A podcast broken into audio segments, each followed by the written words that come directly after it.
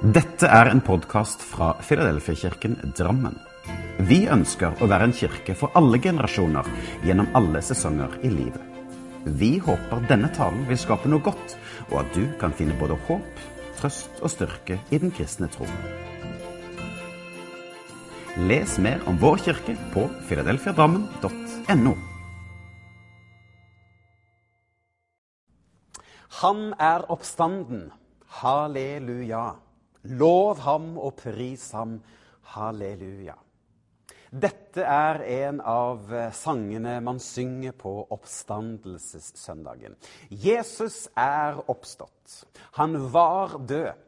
Men Gud gjorde Jesus levende igjen for å overvinne dødens makt og overvinne den onde og det onde.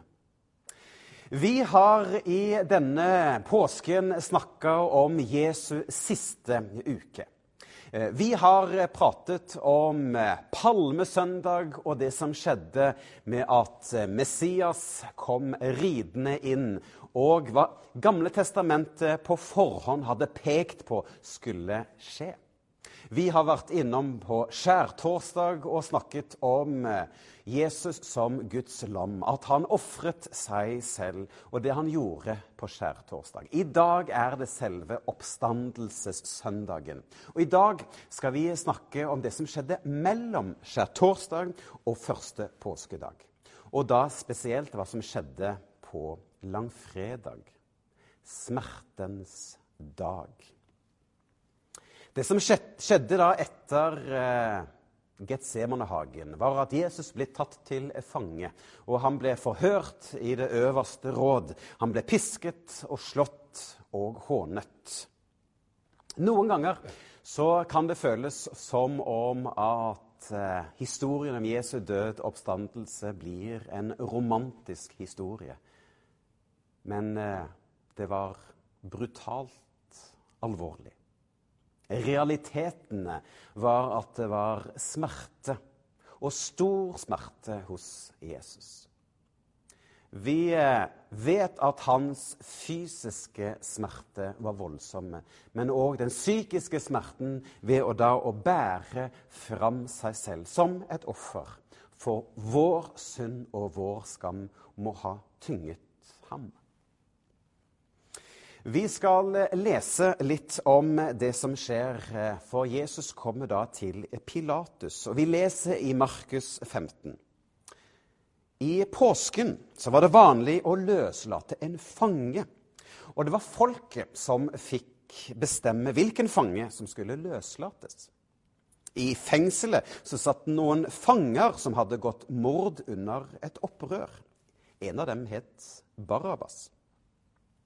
Folkemengden begynte å rope høyt og ville at Pilatus skulle løslate en fange, slik han alltid hadde gjort for dem.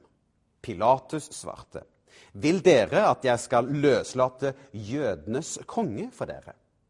For Pilatus visste at det var pga. misunnelse at øversteprestene hadde gitt Jesus opp over til ham. Men øversteprestene hadde hisset opp folket mot Jesus. Og nå ropte de at de, han skulle løslate Barabas. Pilatus eh, spurte igjen folket. Hva vil dere da jeg skal gjøre med han som dere kaller jødenes konge? Da skrek folket tilbake. Korsfest ham! Paulus syntes dette var merkelig, så han spurte igjen. Hvorfor det?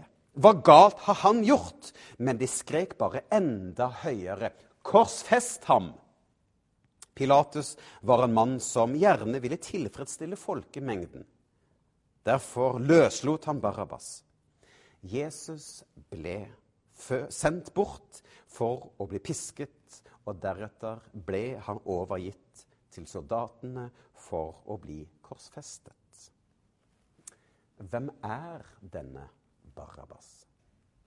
Jo, Barabas han var en kriminell, en morder. Men eh, hvem var egentlig denne Barabas? Jo, på sett og vis så blir Barabbas Barabas et bilde på meg og deg. Hva er det som skjer? Jo, Pilatus han står der med Jesus, som han ser ikke har gjort noe galt. Men så har han òg da Barabas der, som er en kriminell og en morder. Hva skjer? Jo, Barabas går fri, og Jesus tar straffen.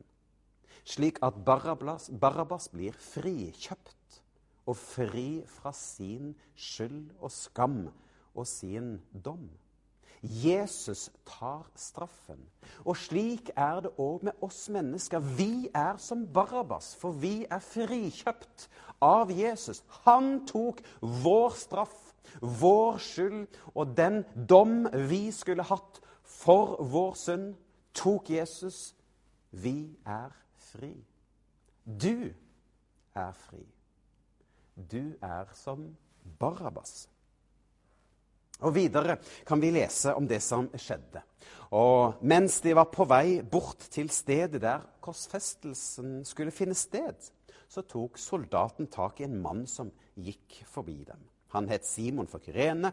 Han var far til Alexander og Rufus og var på vei hjem fra arbeidet ute på marken. Soldatene tvang ham til å bære Jesu kors bort til Golgata, som betyr hodeskallestedet.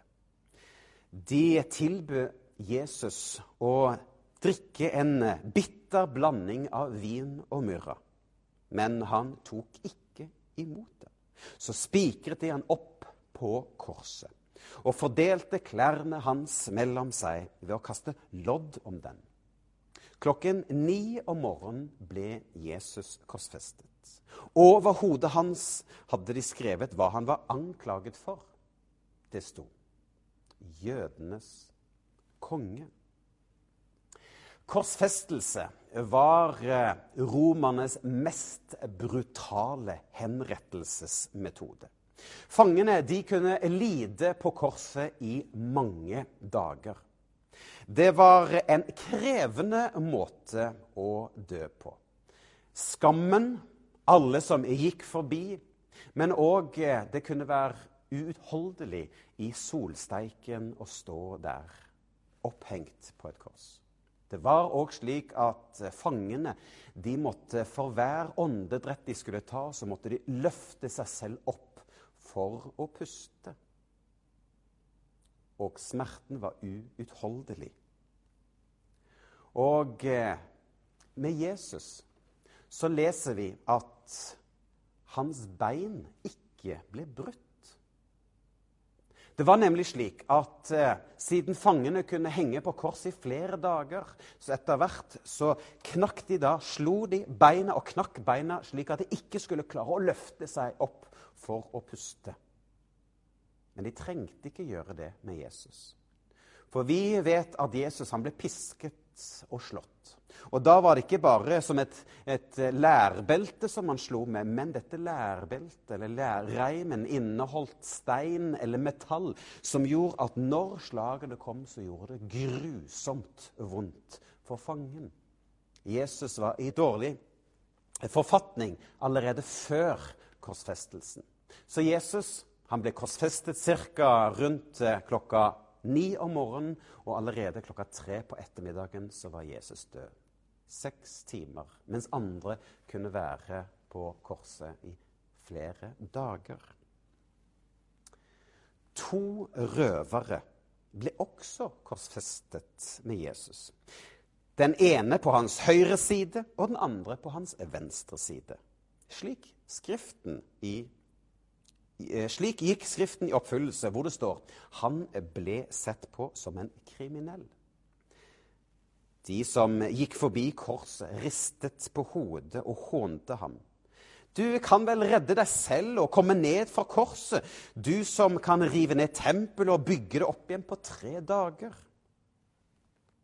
Og Jeg er så glad for denne detaljen som Lukas har med i dette bildet med disse røverne. Fordi den ene røveren snur seg bort til Jesus, og han sier, 'Herre, husk på meg når eh, du kommer til paradis.' Og med denne ene enkle setningen, 'Husk på meg', så snur Jesus seg til denne røveren og sier, i dag skal du få lov til å bli med meg til mitt rike.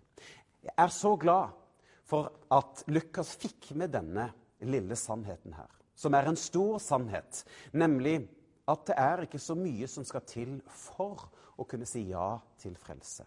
Denne lille setningen 'Husk på meg', eller et lite 'ja'.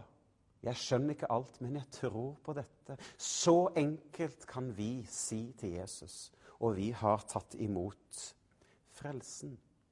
Det er eh, ikke jeg eller andre som skal definere hva det handler om å tro. Det er kun Gud som avgjør hva det handler om. Men han inviterer deg til å tro på dette.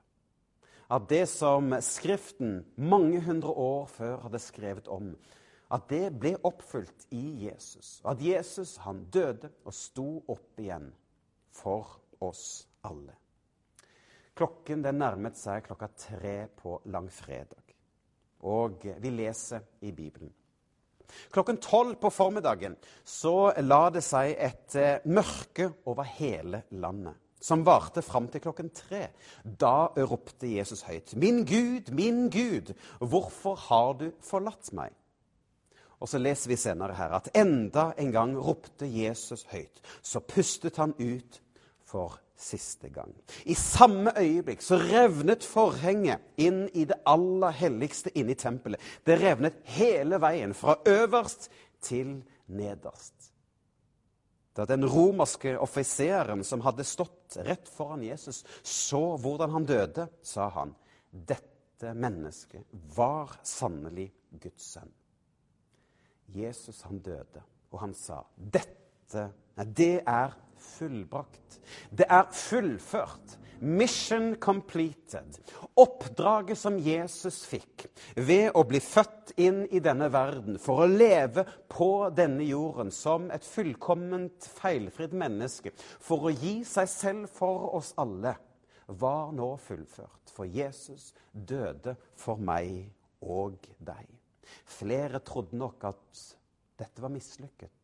Men Gud hadde planlagt i lang tid at det var slik det skulle skje. En gang for alle. Men historien stopper ikke der. Vi vet jo at oppstandelsessøndagen kommer. At Jesus han står opp igjen fra de døde for å overvinne dødens makt og syndens makt. Vi mennesker vi er syndige mennesker, og det gjør at vi blir tildekket av synd. Og vi kan ikke komme inn til Gud, for vår synd tildekker oss. Men Jesus, han går inn dødens vei for oss og tar på seg sin Tar på seg våre synder og våre smerter på seg. Det bar han for at vi skulle få lov å komme til Gud, slik at vi kunne bli rene foran Gud. Gud. Så la oss høre det som skjedde på oppstandelsesdagen. Dagen etter at sabbaten var over, så gikk Maria Magdalena, Maria mor til Jakob og Salome ut og kjøpte krydder som de ville bruke for å smøre inn kroppen til Jesus med. Veldig tidlig søndag morgen, da solen akkurat hadde stått opp, kom de til graven. På veien mot graven snakket de om hvordan de skulle klare å flytte den store og tunge steinen som lå foran gravåpningen. Men da de kom bort, så de at steinen allerede var rullet bort. Da de gikk inn i graven, så de en ung mann kledd i en lang, hvit kappe sitte på høyre side inne i graven. Kvinnene ble veldig skremte, men han sa til dem, ikke vær redde. Dere ser etter Jesus fra Nasaret, han som ble korsfestet. Han er ikke her. Han er oppstått. Se, det var her han lå. Dere må gå i forveien og fortelle disiplene hans og si til Peter at han har gått i forveien for dem til Galilea, og der skal dere få se ham, slik han har sagt. Og kvinnene de skynder seg av gårde. De var livredde for det som hadde skjedd, og fortalte det til ingen, men til disiplene. Da Jesus ble født, så var det gjeterne som fikk de første nyhetene om at Jesusbarnet var født. De som ble sett som lavest i samfunnet. Da Jesus eh, så og fortalte om forbildet i troen, så pekte han på barna, ja, de som var lavest i samfunnet. Og hvem fikk da nyheten om at Jesus var oppstått? Jo, det var kvinnen. De som òg ble sett lavest i samfunnet. Guds rike er et annerledes rike, et opp-ned-rike. Som eh, ikke er kun for de privilegerte eller de heldige. Nei, Guds rike er for alle mennesker. For så høyt har Gud elsket verden, at han ga sin sønn den eneste. For at hver den som tror på ham, ikke skal gå fortapt, men ha evig liv. Frelsen er gratis. Nåden er gratis. Nåden, altså Guds ufortjente gave til oss, er gratis. Det vi kan gjøre, det er å ta imot. Derfor kan vi si enkelt at ja, jeg tror på dette. Jeg skjønner kanskje ikke nødvendigvis alt, men jeg tror at Jesus er Guds sønn. Og når du tror det i ditt hjerte og sier det med din munn, så er du en troende, en kristen.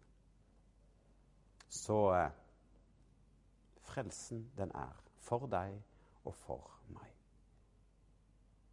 Takk, Jesus, for det du gjorde da du gikk dødens og smertens vei for oss. Takk for at du tar alle våre feiltrinn, alle våre sykdommer og smerter og alle de ordene vi har sagt feil, alle de handlingene, valgene som vi har gjort feil etter ditt vilje, det har eh, du tatt på deg. Og så bærer du dette inn foran Gud, og du eh, tar bort det for oss. Så takk for at vi kan tro på dette og la dette få lov å være med å prege våre liv. Herre, takk for at vi enkelt kan få lov til å si ja, jeg tror. Og dermed har vi fått frelsens gave. I Jesu navn.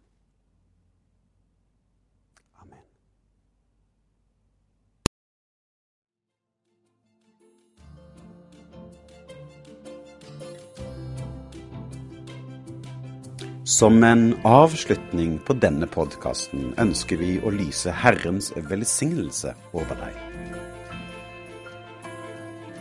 Herren velsigne deg og bevare deg. Herren lar sitt ansikt lyse over deg og være deg nådig. Herren løfte sitt åsyn på deg og gi deg.